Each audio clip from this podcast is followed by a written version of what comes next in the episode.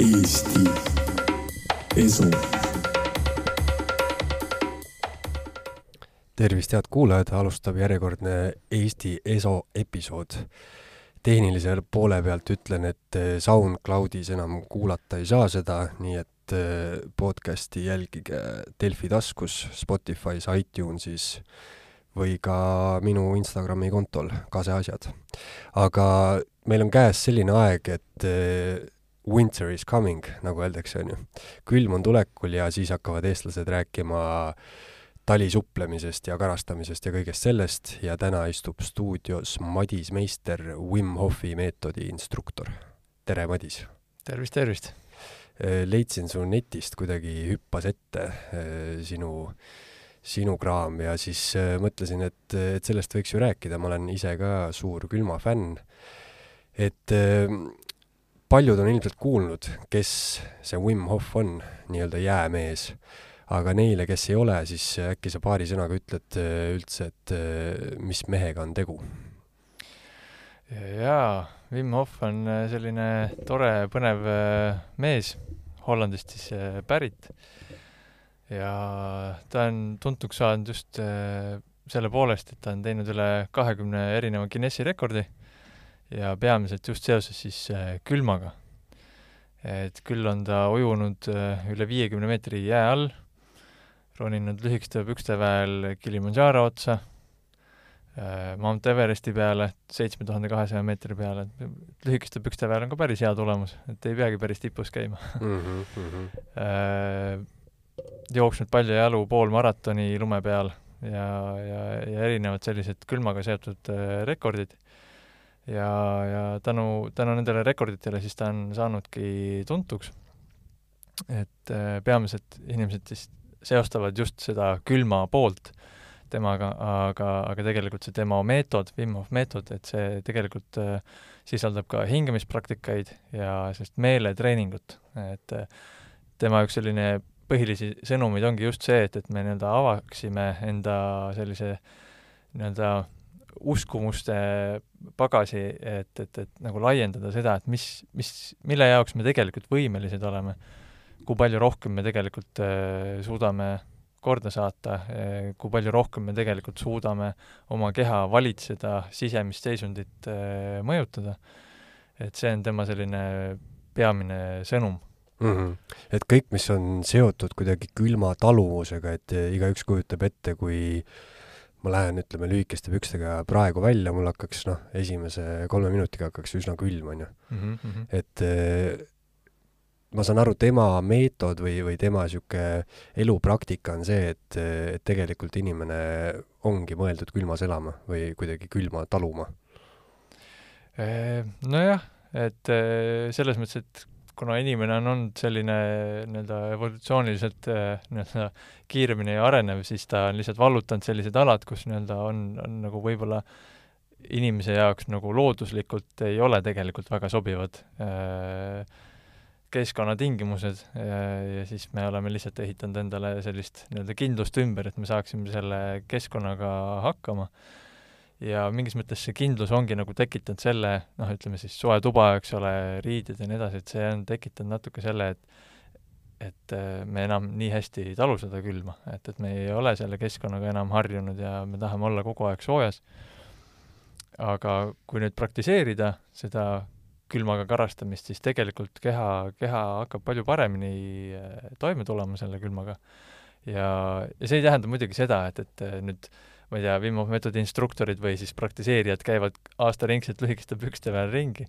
et, et see, selles mõttes ma käin ka ikkagi sooja jopega ja müts peas, et selles mõttes, et ei maksa nagu ka rumal olla selle koha pealt, et noh, et umbes, et ma nüüd käin karastamas, et siis ma võingi nagu kogu aeg olla külmas, et see päris nii ei ole, et, et meie keha ikkagi äh, enam nagu nii, nii karmides tingimustes ei, ei ole nagu pikalt suuteline olema, aga, aga niimoodi igapäevaselt praktiseerides on sellega oluliselt lihtsam toime tulla. et, et külmataluvus suureneb ja, ja selline termoregulatsioon läheb äh, oluliselt, oluliselt paremaks.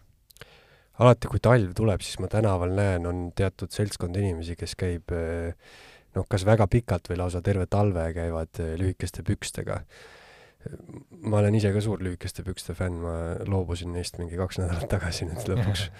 aga äh, Wim Hof äh, kas ma saan õigesti aru, et tema nagu jutu järgi on see noh, need rekordid on ju, millest sa räägid, need tunduvad tõesti nagu ebainimlikud või sellised et mhm. kuidas see võimalik on. aga, aga kas tema jutt eh, eeldab seda, et nagu see võiks olla igale inimesele võimalik, et, et mina võiks minna vabalt eh, jääauku ujuma ja, ja kõndida väljas, on ju?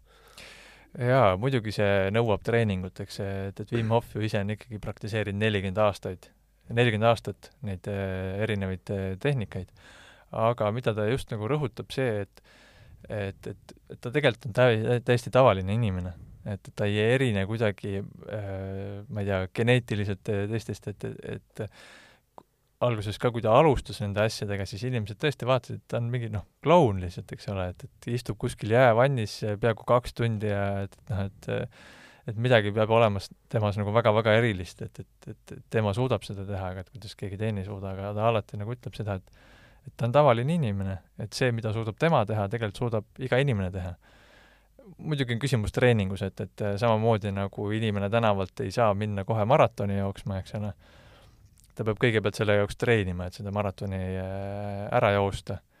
aga võimalus on olemas võib-olla see on, võib-olla see on seotud sellega, et ma mäletan, mina nägin ka kunagi väga ammu, nägin telekas äh, mingisugust tema rekordit, ma ei mäleta, mis see täpselt oli, on ju, aga noh, tal olid, äh, metsikult oli siis küljes igasuguseid äh, mõõdikuid ja siis vaadati, et, et kas tal tõesti nii-öelda ei ole külm.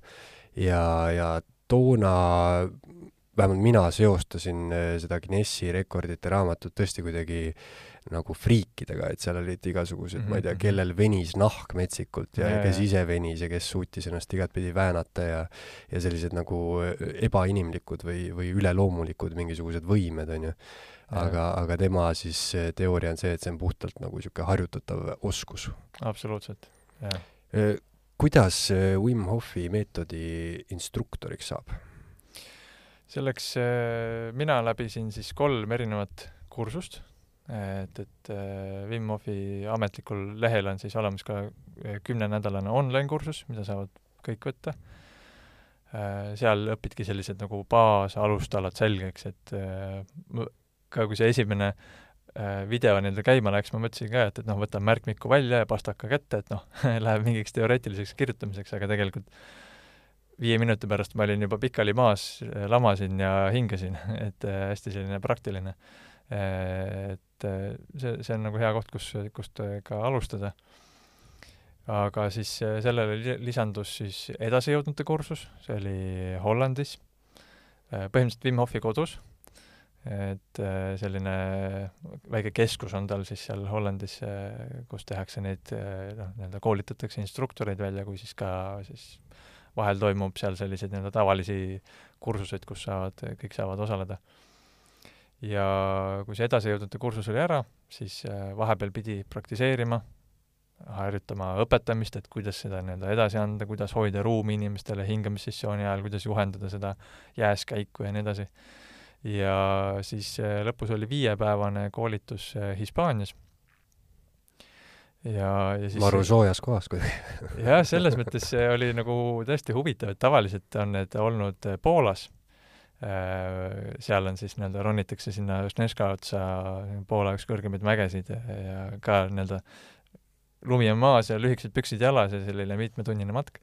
et äh, seda ma lähen nüüd kogema detsembris kusjuures tegelikult, et mul on pilet juba ostetud äh,. aga, aga siis jah, tookord toimus see Hispaanias.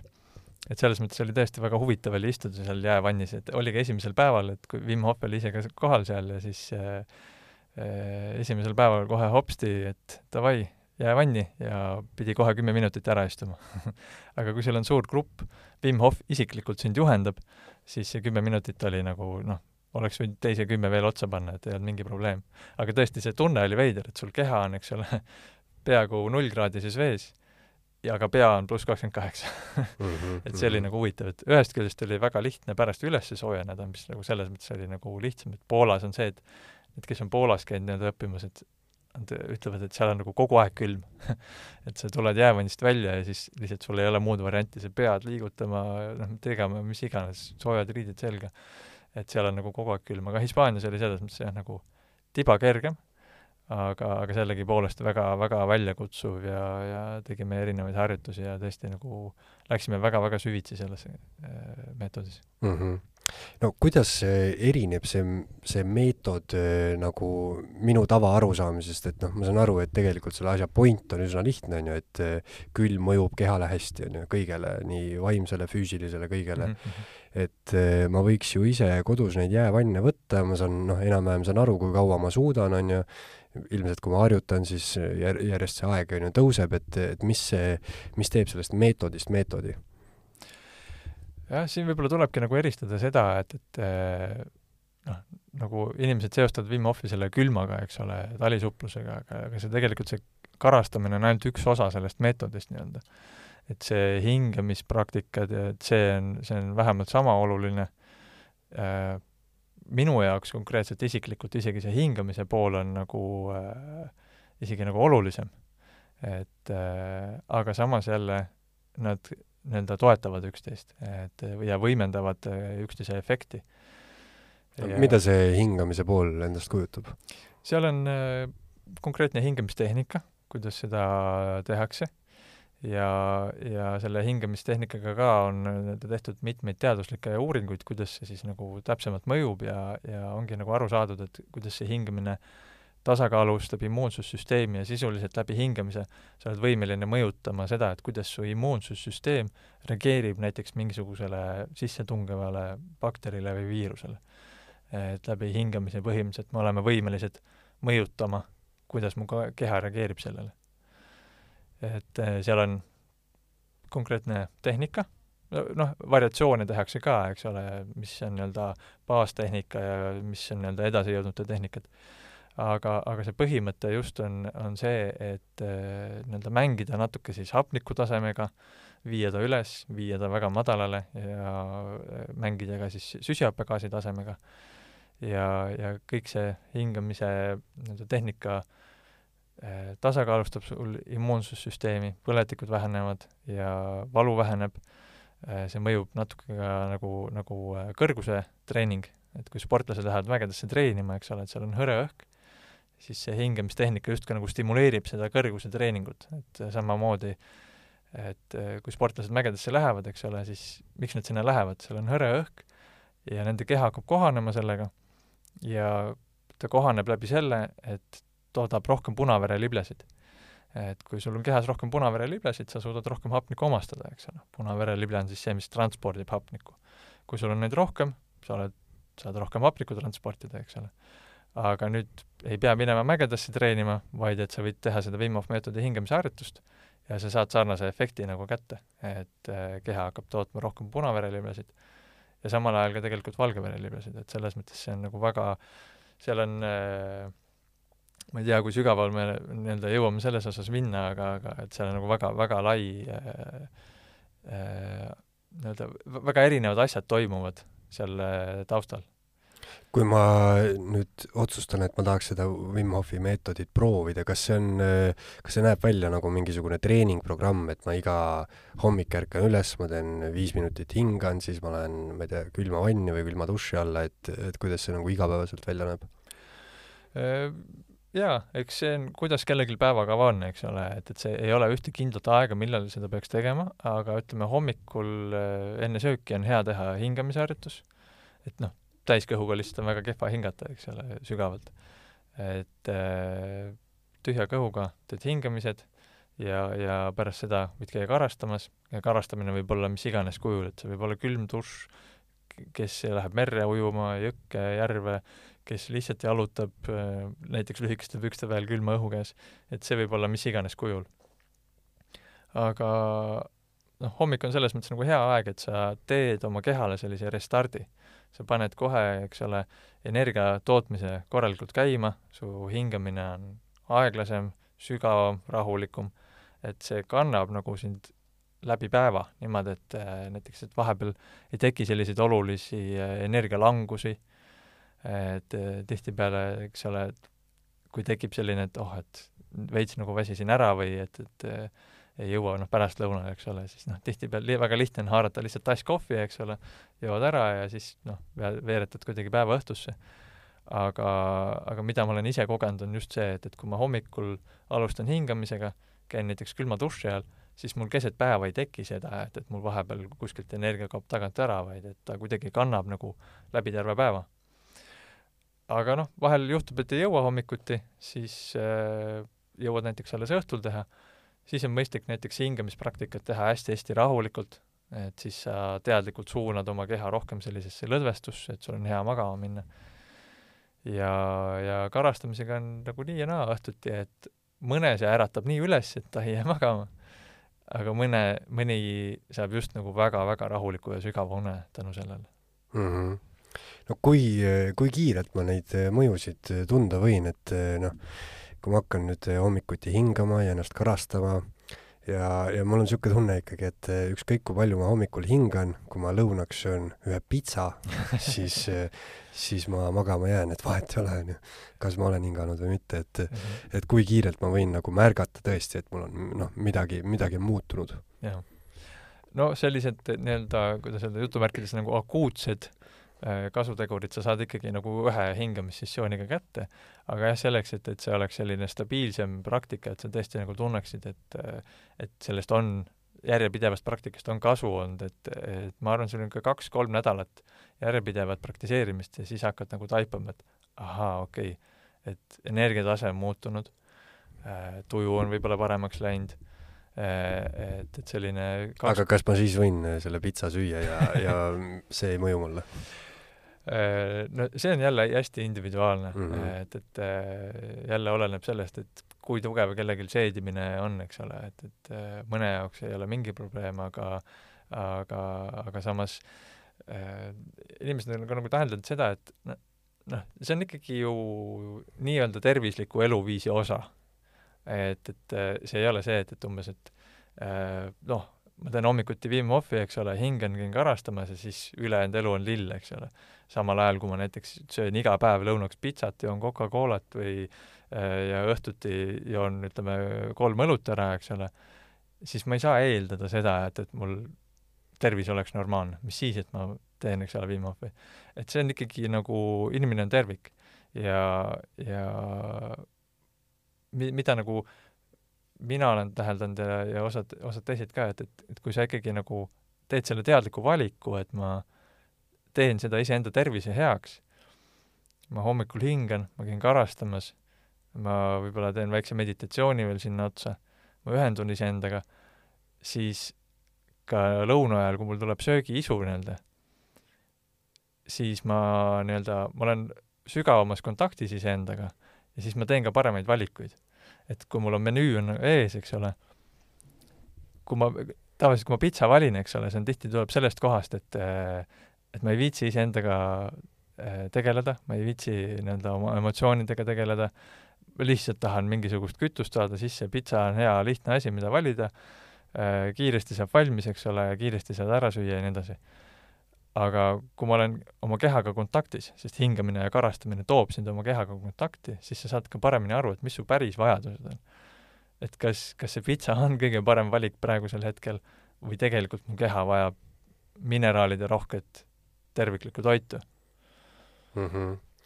jah, et äh, kui rääkida Wim Hofi sellest äh, hüüdnimest, jäämees või Iceman, on ju mm, -hmm. siis äh, tegelikult esimene Iceman on äh, üks, äh, üks kuulus sarimõrvar äh, USA-st, kes oli siis mafiooso, no maffia nagu nii-öelda sarimõrvar, hitman on ju ja, ja tema nimi tuli sellest, et ta säilitas äh, tapetud kehasid äh, külmkapis ja siis mitu aastat hiljem näiteks jättis nad kuhugi ja siis äh, politsei oli hästi segaduses, et see keha tundus noh, nii hästi oli säilinud, on ju, et tundus, et see on tapetud hiljuti, aga tegelikult oli juba aastaid tagasi mm. -hmm. ja mhm. siis talle pandi nimeks Iceman, et et mida see külm äh, kehaga teeb või, või niimoodi, kui me nagu hästi sügavale läheme mingi raku tasandile, et mm, -hmm. et kuidas see külm äh, kehale mõjub?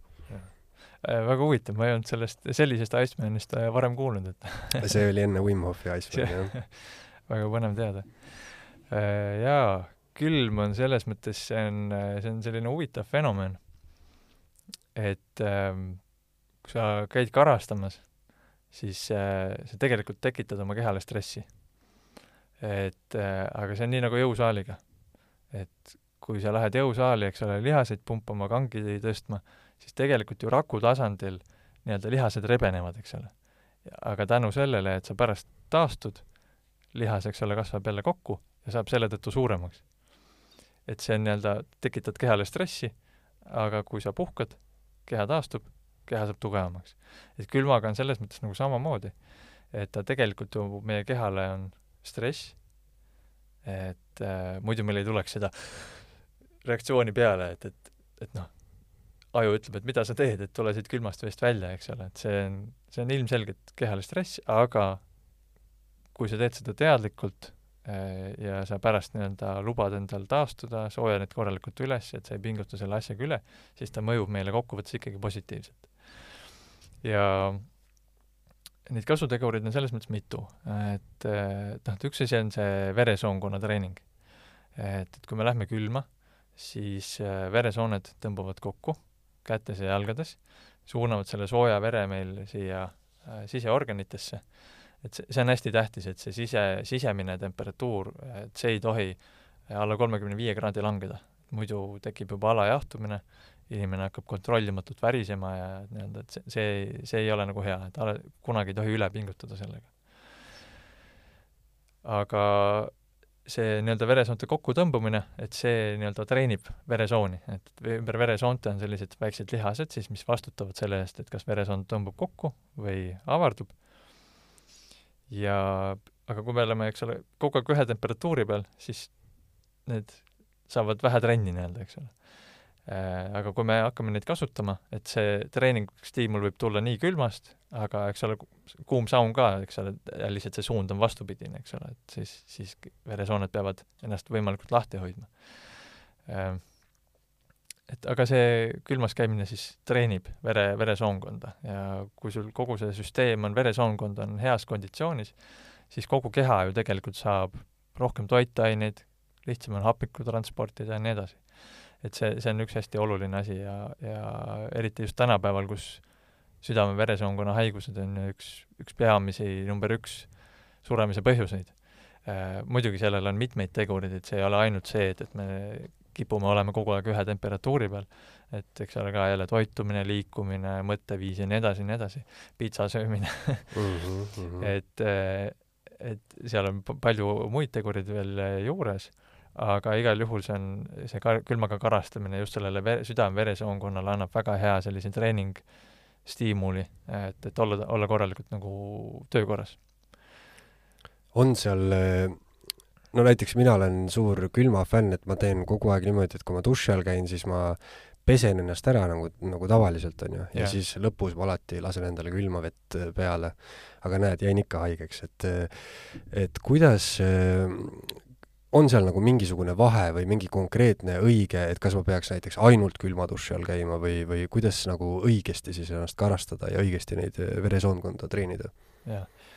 Äh, no tegelikult ei ole olemas õiget ega valet viisi, kuidas ennast karastada. et äh, keha jääb haigeks üldiselt äh, siis, kui selleks on ikkagi mingisugune põhjus. vahet ei ole, kas sa, kas sa sööd pitsat või sa ei söö pitsat või käid sa karastamas või mitte kui kehal ei, kui sa ei ole oma kehale piisavalt puhkust andnud, immuunsussüsteem on nõrk, siis lihtsalt keha võtab selle nii-öelda aja maha ja siis noh, jutumärkides jääb haigeks, eks ole, aga tegelikult see on lihtsalt see, et kehal on vaja puhkust.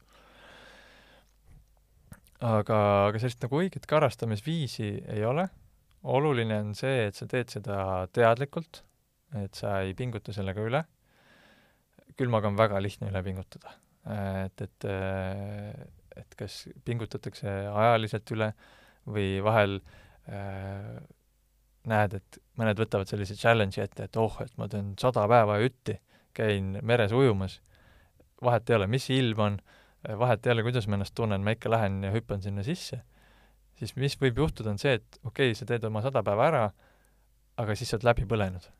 sellepärast, et karastamine on tegelikult väga energiakulukas asi, et kui selline, kui ikka ütleme, kaks minutit olla noh, nii-öelda talvel külmaga olla vees, siis see kulutab umbes viissada kalorit, ehk siis umbes tund aega korralikku trenni. Aga kui seda teha iga päev, eks ole, siis see lihtsalt põletab keha läbi, eks ole, et sul, sul ei ole nii palju seda ressurssi ära anda, ja noh, elus on muudki teha, eks ole, kui jäävannis istuda või kogu aeg kuskil külmas meres olla. et, et lihtsalt liiga palju energiat läheb sellele.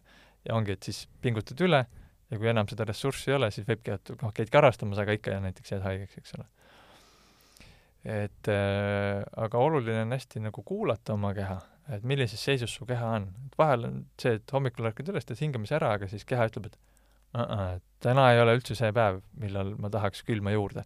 et eriti talvel, ütleme Eesti kliimas, on ikkagi seda niiskust on palju, külma on palju, et me saame seda nii kui, niikuinii nii et siis tuleb hästi nagu jälgida seda, et, et kas, kas mu kehas on juba liiga palju niiskust või külma sees.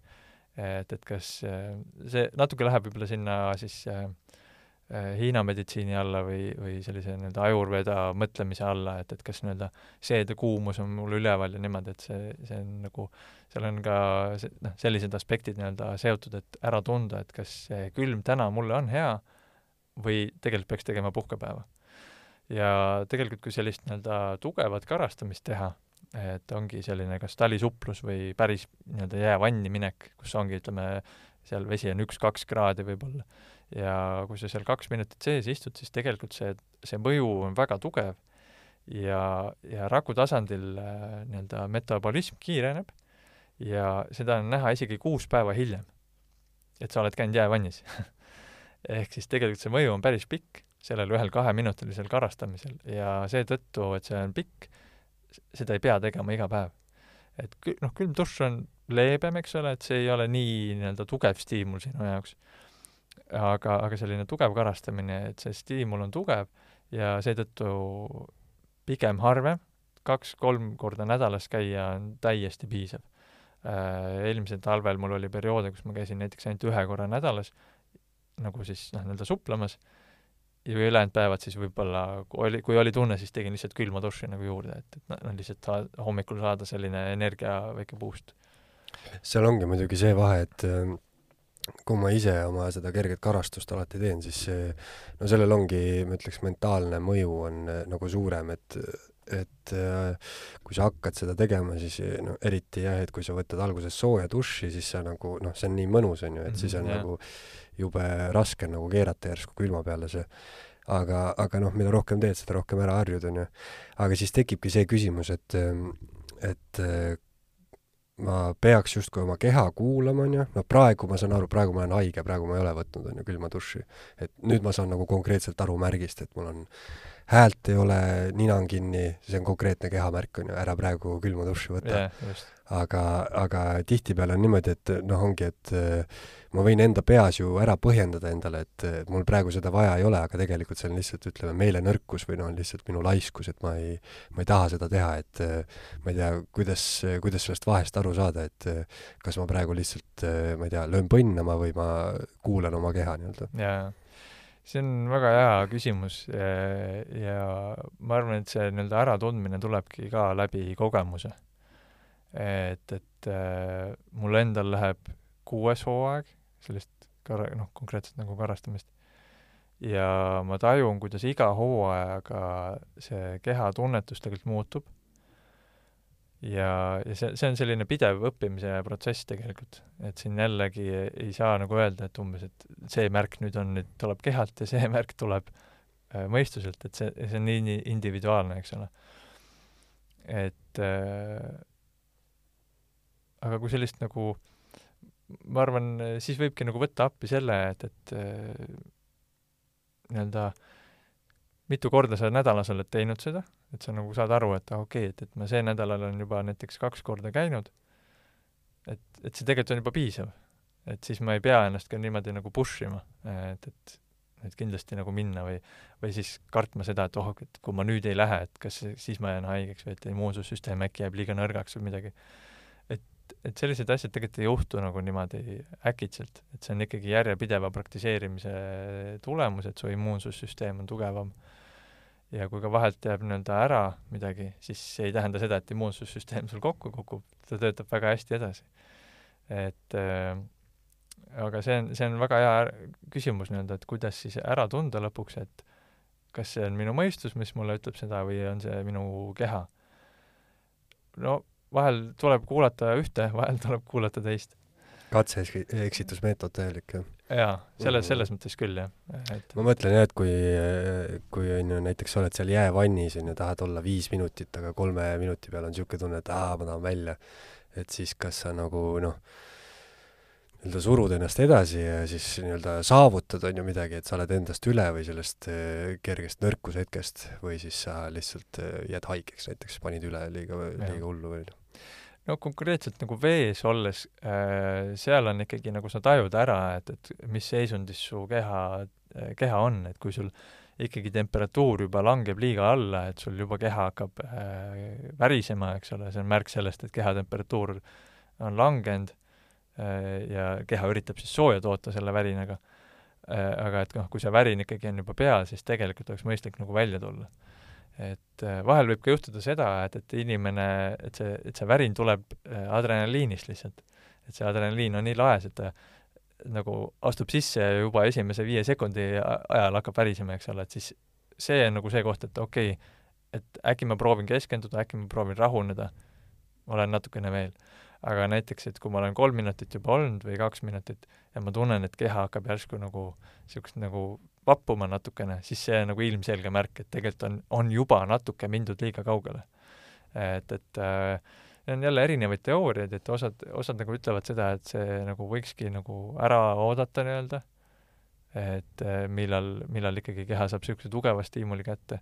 mina olen pigem seda meelt, et alati, alati vähem, kui et liiga palju, sest et Äh, meil nagu ühe korra võib tunduda, et oh, et noh, ei ole midagi, eks ole, saan sooja sisse ja ei ole hullu. Aga pikas perspektiivis, kui ma teen seda liiga tihedalt, et ma kogu aeg lähen natuke liiga üle piiri, siis see võib ikka väga rängalt kätte maksta. et ongi mingi hetk sa avastad, et äh, noh, karastamine võiks ju energiat anda, aga mingi hetk sa avastad, et vastupidine efekt on hoopis, et see lihtsalt kurneb läbi, äh, võib-olla seidimisega, seedimine ei ole enam nii hea, et see nii-öelda seedekuumus kaob tagant ära või, või, või siis jah, niisugune nagu igapäevane energiatase lihtsalt langeb mm. -hmm. et, et need on nagu märgid, et ah, äkki ma peaks võtma natuke vähemaks seda mm. -hmm nojah, et eh, siis sa lõpuks ei saagi nagu seda külma kontidest välja, et eh, noh, näiteks kui meres ujumas käies, siis on samamoodi, et pool tundi hiljem sa ka veel tunned, et, et päris ei ole väljas, et kerge värin on sees. jah. No sellega on, ongi just see, mida ma hästi nagu rõhutan oma kursustel ka, et, et karastamise harjutus kui selline ei saa läbi enne, kui sa oled täielikult taastunud. et äh, õnneks või kahjuks äh, ühte videot ka Eesti talisuplejate grupis nägin, kus siis äh, inimene käis suplemas ja noh, pärast oli vaja kiiruga tööle minna, istus autorooli, hakkas autoga sõitma ja roolist tulid külmavapped peale. Noh, keegi teine kõrvalt filmis, eks ole, et ühest küljest nagu väga-väga õpetlik video, et kuida-, ei, kuidas ei tohiks teha ehk siis äh, kui sul on juba külmavapped peal, see tähendab seda, et sul keha on alajahtumises aga kui keha on alajahtumises, siis su keha tegeleb ainult ellujäämisega, eks ole. selleks, et saada sooja, aga sul ajutegevus nii-öelda ei ole nii-öelda, ratsionaalne meel ei ole siin. Ta tegeleb ainult, ainult ellujäämisega, eks ole, niisugune primitiivne aju on nii-öelda, nii-öelda aktiiv-, aktiivne. ja see on väga-väga ohtlik seisund tegelikult, eriti kui sa oled liikluses, eks ole. et, et see harjutus saab läbi alles siis, kui sa oled täielikult taastunud ja siis ongi noh, kes kuidas üles soojeneb, eks ole, aga üks kõige paremaid viise on just füüsiline liikumine ja Wim Hofi puhul siis me selles meetodis me teeme siis sellist harjutust nagu horse dance, äh, eesti keeles siis ratsaasend, kus sa siis äh, jalad paned niimoodi parajalt harki ja põlvest lased alla. niimoodi, et sul reitesse tekib selline mõnus pinge ja see pinge siis hakkab seestpoolt sooja tootma. et, et keha toodabki sooja, eks ole, kas värina läbi või lihaspinge või siis on ka olemas, eks ole, pruunrasv, millest me võime natuke hiljem rääkida. Aga see, et, et sa reied paned pingesse, see hakkab sul niimoodi vaikselt sooja tootma. ja, ja miks just see harjutus? et noh, me võiks hakata tegema ju, ma ei tea, kükke, hüppama, sprintima, noh, mis iganes, eks ole, mis on intensiivne füüsiline liigutamine. aga siin tuleb nüüd mängu see, et, et, et kuidas siis üles soojeneda, et see soojenemine peaks olema tegelikult hästi-hästi rahulik, et kui me soojeneme liiga kiiresti ülesse, siis tegelikult mis juhtub, on selline asi nagu järellangus. Et, et nagu ma ennist mainisin ka, et kui sa külma lähed, siis sul käed ja jalad lähevad väga külmaks. aga see soe veri koguneb sul siseorganitesse. ehk tekib selline nii-öelda suhteliselt suur kontrast käte, jalgade ja siis siseorganite vahel. aga nüüd, kui sa hakkad liiga kiiresti ennast liigutama, liiga intensiivselt, eks ole, et sul südamerütm läheb ülesse, siis äh, see veri hakkab liiga kiiresti segunema omavahel. ehk siis see külm veri pääseb sul siseorganitesse ja tekib järellangus niimoodi, et äh, ongi, et näiteks poole tunni pärast tunned, kuidas järsku keha hakkab väri, värisema ja tekib selline nii-öelda noh, alajahtumise tunnus sisuliselt, eks ole mm. -hmm. et äh, siin on ka hästi oluline, et, et noh, et noh, kui inimene käib lihtsalt näiteks, et enne tööd läheb, käib suplemas, tuleb veest välja, siis teebki mingit rahulikult, näiteks sedasama horse dance'i harjutust või ratsaasendit, ja tegelikult seda harjutust peaks tegema senikaua, kuni sa tunned, et sa oled nagu normaalses konditsioonis jälle. vahel võib see võtta kaks minutit, vahel võtab see viis minutit, vahel võtab see kümme minutit. aga, aga me ei saa seda ülesse soojenemise etappi nii-öelda vahele võtta, et noh, ma saan aru, kiiru, kiiruga on vaja tööle minna, eks ole, et asjad vajavad tegemist, aga, aga me peame arvestama sellega, et see karastamise harjutus äh, sellel on ettevalmistus, sellel on karastamise faas ja sellel on ülessoojenemise faas. see on nagu terviklik, mitte see, et ainult, et noh, sulps sisse ja sulps välja, eks ole.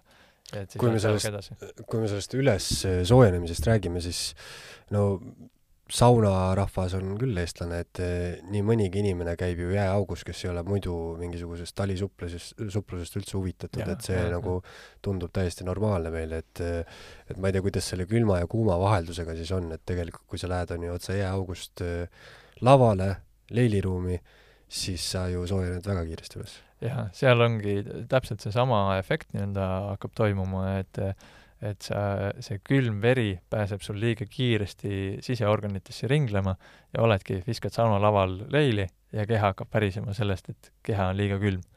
et äh, inglise keeles on afterdrop, noh, eesti keeles järellangus.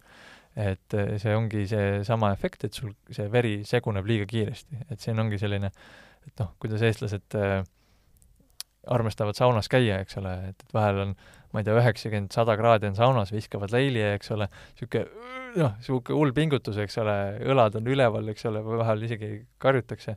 noh, muidugi kõik ei käi niimoodi saunas, aga noh, see on niisugune nii-öelda piltlik, piltlik eh, saunas käimine, eks ole, aga ja siis leil ära, eks ole, hüpatakse kiiruga kohe tiiki ja siis seal tiigis on niimoodi, õlad on pinges üleval, eks ole, ja siis minnakse jälle tagasi sauna ja jälle visatakse leili ja ikka, et sa oled kogu aeg niisuguses nagu pingeseisundis.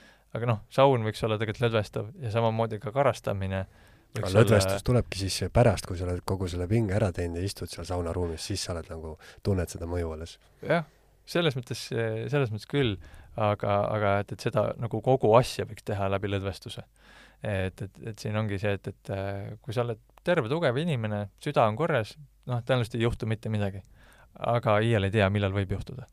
et, et, et siin olekski väga hea, et viskad oma leili ära, tuled leiliruumist välja, korraks puhkad, lased pulsil natuke alla tulla, eks ole, eriti kui on väga kuum saun.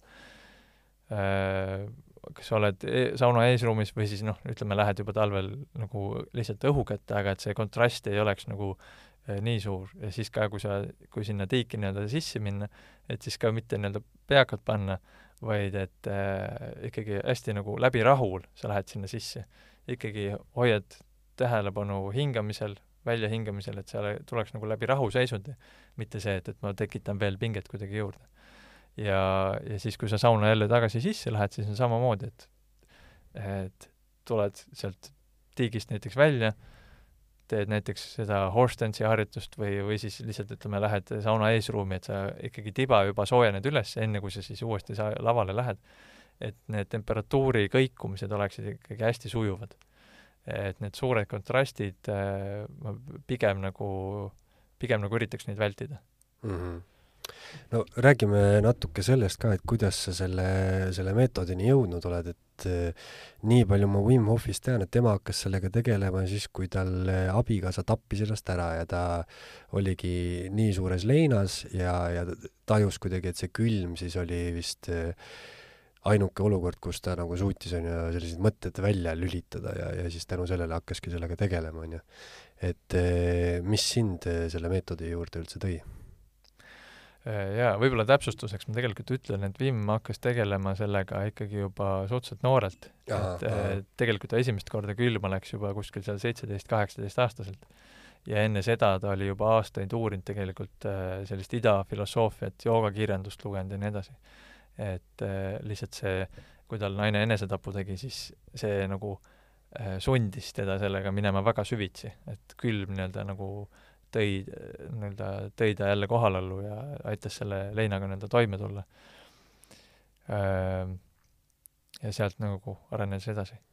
aga minu enda jaoks äh, füüsiline tervis oli see, oli see kõige põhilisem asi, mis vajas äh, toetust et mul endal äh, lapsepõlvest saadik on olnud väga tugevad allergiad, noh, kõikvõimalikud asjad, et ke-, kes, kellel on allergia, siis see tunneb tõenäoliselt ära, et tihti ongi, et kassid, koerad, lemmikloomad, eks ole, heintaimed, õietolm, tolmulestad, noh, mis iganes, eks ole. ja noh, see ikkagi oli olukordi, kus ma lapsena istusingi suvel toas elasin kortermajas, kus oli niimoodi, et põllud olid kohe kõrval ja siis vaatadki, istud seal akna peal, vaatad, kuidas äh, sõbrad põllu peal heinte vahel mängivad, eks ole.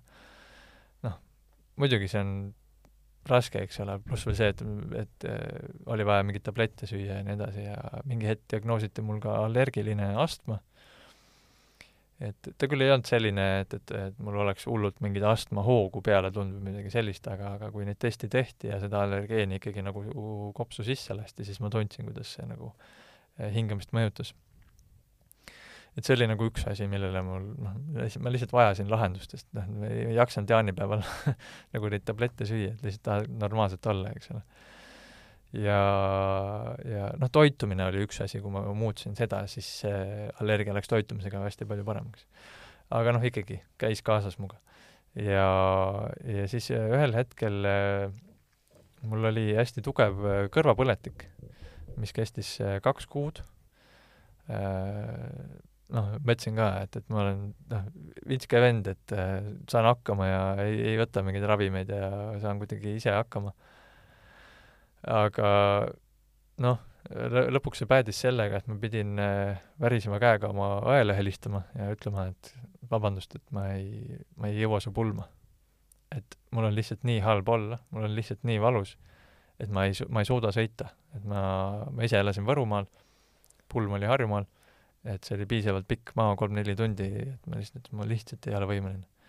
ja kuna ma olen ka muusik siis me elukaaslasega pidime talle mängima seda lugu nii-öelda, kus ta siis noh, noh, pulm ei olnud kirikus, aga noh, põhimõtteliselt, kus ta nagu kõnnib siis nii-öelda altari ette. ja kuna ma pidin seda lugu mängima, aga ma lihtsalt ei saanud minna, siis see oli minu jaoks nagu nii suur emotsionaalne trauma, et kuule, nüüd on tagumine aeg hakata midagi endaga, noh, midagi ette võtta, et endaga tegeleda. ma olin muidugi enesearenguga tegelenud juba varasemalt, et äh, meditatsiooniga ja sellisega, rohkem nagu vaimse poolega siis ma sain aru, et okei okay,, et vaimne pool on oluline, aga füüsiline on täpselt sama oluline. et ma ei saa nagu, ma ei saa seda tasakaalust välja ajada. et äh, et see oli minu jaoks hästi selline tugev tõuge. Ja, ja siis noh, mingi hetk ma ikkagi taastusin, aga ma nagu otsisin, mis see lahendus võiks olla, kuidas ma saan oma tervist toetada. ja siis tol ajal ma elasin Võrumaal ühel, ühes väga lahedas äh, kohas, kus oli kaks šokolaadivabrikut kõla, kõlab natuke jaburalt äh,, aga igal juhul ühe šokolaadivabriku omanik siis aeg-ajalt käis seal ja oli jaanuarikuu, õues oli miinus viisteist, istusin niimoodi umbes pleed äh, ümber pea, vaatasin aknast välja ja siis tüüp jookseb niimoodi akna tagant mööda lühikeste pükste väel, nii nagu Vimm, eks ole, ronis Kilimandžaro otsa äh, miinus viieteistkümnega jooksis viis kilomeetrit tõuse, pärast seda siis läks veel jõkke ujuma. ja siis ma lihtsalt vaatasin niimoodi, et no issand jumal mida see tüüp teeb. et täitsa peast põrunud. aga samas energiat oli, suu oli kõrvuni, noh, sõi palju šokolaadi ka, aga et et noh, see, see külma asi on midagi, mis aitab teda. ja, ja siis ma mõtlesin, et noh, ma proovin, vaatan, mis saab, et mis mul ikka kaotada on, eks ole. ja läksingi jaanuarikuus, hakkasin käima äh, siis lihtsalt lumes, et mitte külma duši ega talisuplust, vaid et lihtsalt läksin, viskasin lume peale pikali ja tõmbasin enda lume endale peale. Ja, ja siis ka see esimene kord selline, tõmbad selle lume peale ja siis kuidas tunned nagu, kuidas hing jääb kinni, lihtsalt niisugune noh, lihtsalt ei saa hingata, eks ole, aga ma ei tea, kaua ma suutsin seal vastu pidada, võib-olla mingi paarkümmend, kolmkümmend sekundit. ja läksin tuppa. Ja siis mingi hetk tunned, et kuidas keha hakkab jälle soojaks minema, kuidas energia tuleb tagasi. Ja, ja, ja siis ma noh, mõtlesin, et no ma nagu jätkan sellega ja, ja siis sealt alates ma tegelikult ei ole nagu ta-, tagasigi vaadanud, sest sest ma olen kogenud seda, kuidas see nagu hoiab, hoiab äh, tervemana ja hoiab, hoiab seda energiat üleval. ja siis ma kuidagi jõudsin, äh, noh, hakkasin seda teemat edasi uurima ja siis juba jõudsingi Wim Hofini. ja siis ma võtsingi selle esimese kümnenädalase online-kursuse ja pärast seda esimest hingamissessiooni, siis, siis ma olin ka täitsa nagu, et vau et mis asi see on lihtsalt, et ma tundsin, kuidas nagu iga keharakk lihtsalt nagu hõiskas rõõmust, et, et nagu see on nii äge, et, et selline tunne, kuidas sa tunned, et terve keha suriseb, äh, selline, selline elus olemise tunne. et see oli, see oli nii võimas kogemus, et, et see lihtsalt niimoodi sundis edasi uurima, edasi katsetama ja, ja, ja samal ajal muidugi ka jälgisin, kuidas terv-, tervis muutub, eks ole, oligi, läkski, läks paremaks allergiaid oluliselt vähem. Äh,, praktiliselt pole. Äh,, kõrvapoletikku pole enam tagasi tulnud. Äh,, ja no ma ei taha öelda, et, et see Wim Hof meetod või karastamine on mingisugune nagu imeasi või et, et noh, imeravimit ei ole olemas, eks ole, lihtsalt ei eksisteeri. samamoodi on sellega ka, et, et et ikka võib juhtuda aeg-ajalt, et jääd haigeks, eks ole, noh, nii nagu sulgi praegu. et äh, aga, aga mul jah, mul oli vähemalt kolmeaastane periood, kus oli absoluutne no, täielik null. mitte ühtegi köha, nohu, noh, null, täiesti mitte midagi. ja siis, kui noh, mingi hetk midagi tuli, siis see oli väga leebe, ma sain sellega väga kergesti hakkama äh, ja just tänu sellele, et, et nagu läbi selliste praktikate sa õpid oma keha usaldama. sa tead, et sa saad sellega hakkama lisaks muidugi, et okei okay,, et noh, karastamist enam teha ei saa, kui sul tõesti nohu on peal juba või köha on peal. et siis see lihtsalt kurnab immuunsussüsteemi. aga hingata küll saab. ja, ja just see, et, et kui tunned, et ma ei tea, hakkab imelikuks minema, no äkki on juba karastamiseks liiga hilja, siis okei okay,, aga hingata ma saan ikka, eks ole, ongi. teed hingamissessiooni ja juba jälle tunned ennast paremini mm. -hmm ja nüüdseks noh, räägitakse muidugi igasuguseid äh, hulle lugusid sellest äh, meetodist, et kes on küll vähi endale ära ravinud, äh, ära külmetanud põhimõtteliselt, noh, võib öelda niimoodi, on ju. et, et võib-olla vaadatakse seda ka natuke nagu mingisugust hullude sekti, et inimesed, kes jooksevad paljalt ringi ja, ja räägivad, et see on maailma parim asi, on ju, et et ma ei tea, noh, kõlab muidugi hästi loogiliselt, et eh, külm on eh, igasugusele elusorganismile hea. et eh, noh, kui siit võtta kas või see sarimõrvari näide, siis kui surnud keha säilib hästi külmas, siis mm. noh, tegelikult võiks ju ka noh, meie võiks ka päris hästi säilida, on ju, et mida rohkem sa nii-öelda külma käes oled, seda kauem elad näiteks ja,. jah, jah et äh, jah, need on asjad muidugi, mida peab nagu konkreetsemalt nagu edasi uurima, aga noh, ütleme sellise nagu äh, see, mida juba nagu nähakse, on ikkagi see, et, et, et nii-öelda noh, nahakonditsioon juba väga palju paraneb. et, et see on just see, et, et noh, naha-veresooned, eks ole, on ju esimene asi, mis nii-öelda kokku tõmbub. ja kui see saab trenni, siis kogu naha nii-öelda kvaliteet, eks ole, paraneb, et juba selles mõttes me näeme nii-öelda nooremad välja. Aga nahk on ju ka tegelikult meie immuunsussüsteemi esimene kiht. ehk siis kui sul on nahk terve, tugev, siis ka sinu immuunsussüsteem on tegelikult palju tugevam. et kuidas sellega on, et äh, ma just ütlesin sulle, et ma käisin ikkagi haigena eile meres, on ju, korraks, aga öö, siis mul üks töökaaslane rääkis, et pane kindlasti pea vee alla, et muidu sul öö, kõik veri läheb pähe ja, ja sul hakkab pea ringi käima. aga nüüd sa räägid mulle, et tegelikult veri kõik koguneb siia, on ju, rindkere piirkonda pigem, et öö, kas tasub pea vee alla panna või mitte? Vot see on eh, jah, selline igipõline küsimus, mida kogu aeg küsitakse, et kas see on okei okay panna pea vee alla, kas seda peaks tegema või mitte. Äh, ma ise olen, noh, ma ei tea ka kõigile vastust, eks ole. ma ise olen pigem seisukohal, et seda võib teha, kui sa tunned, et see on sinu jaoks mõnus. aga ma pigem ei tee et, et ma ise ka vahel, kui ma tunnen, et, et ma nagu vajan seda, et, et nagu pea saaks ka korraga külma, siis, siis ma teen seda.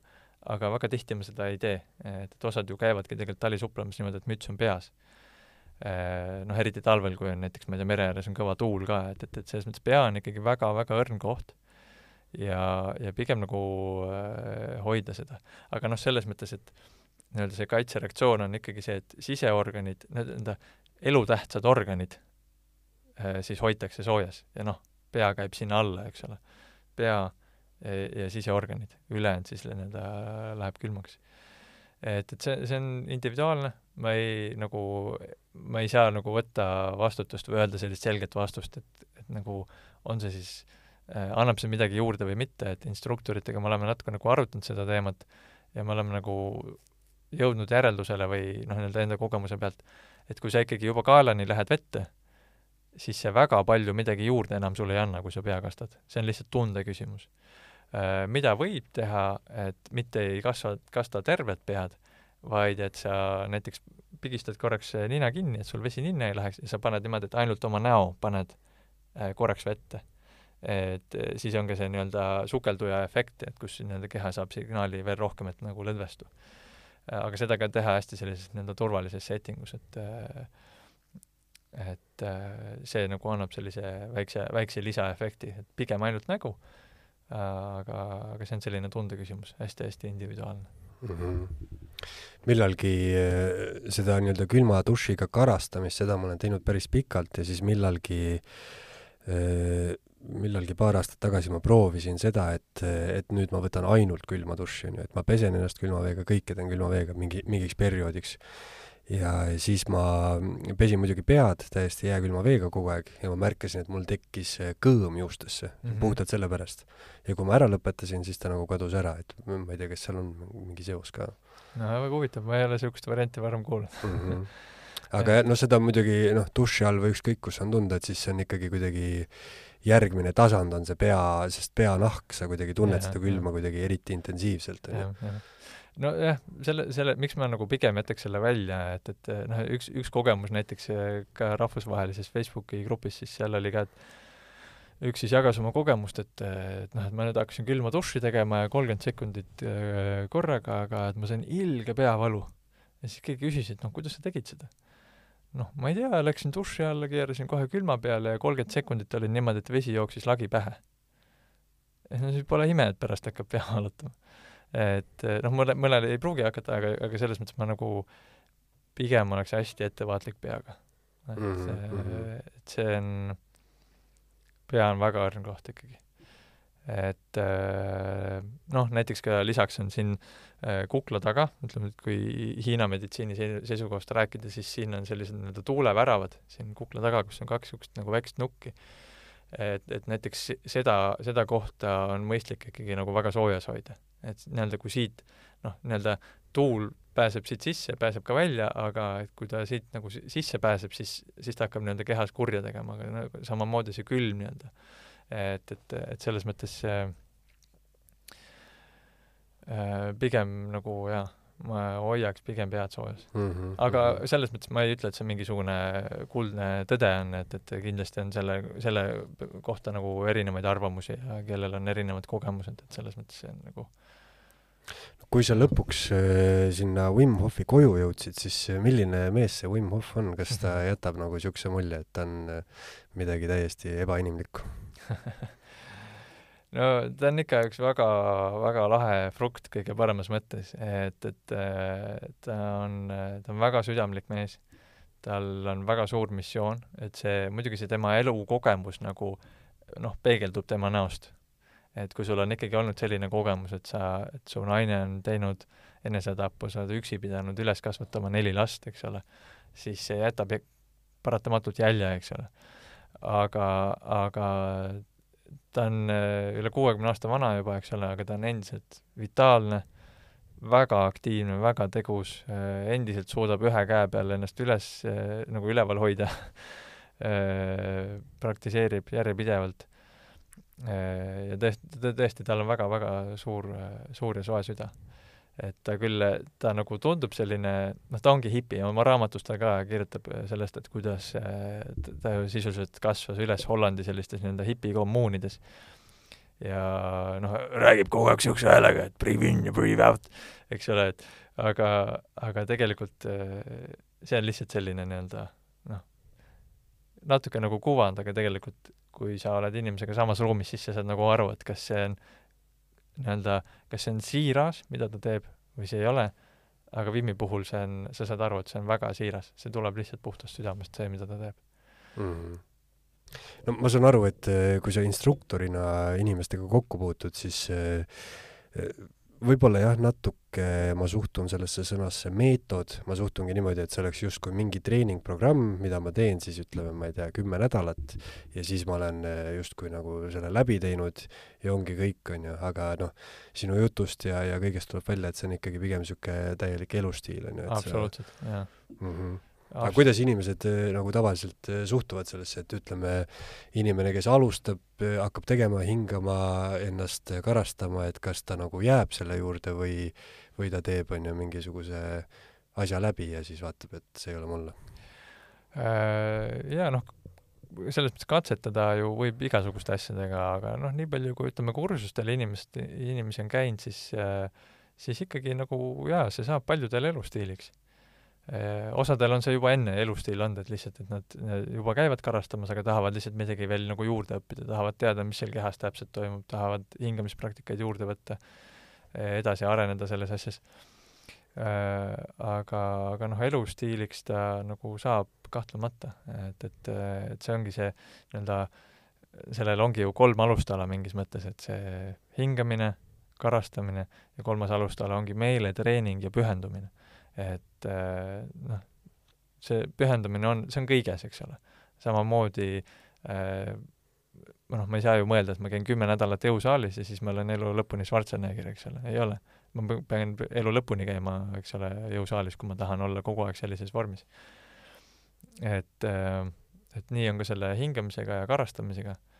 et see inimese tervis on ju väga dünaamiline protsess pidevalt on mingisugused muutused, iga päev on absoluutselt erinev.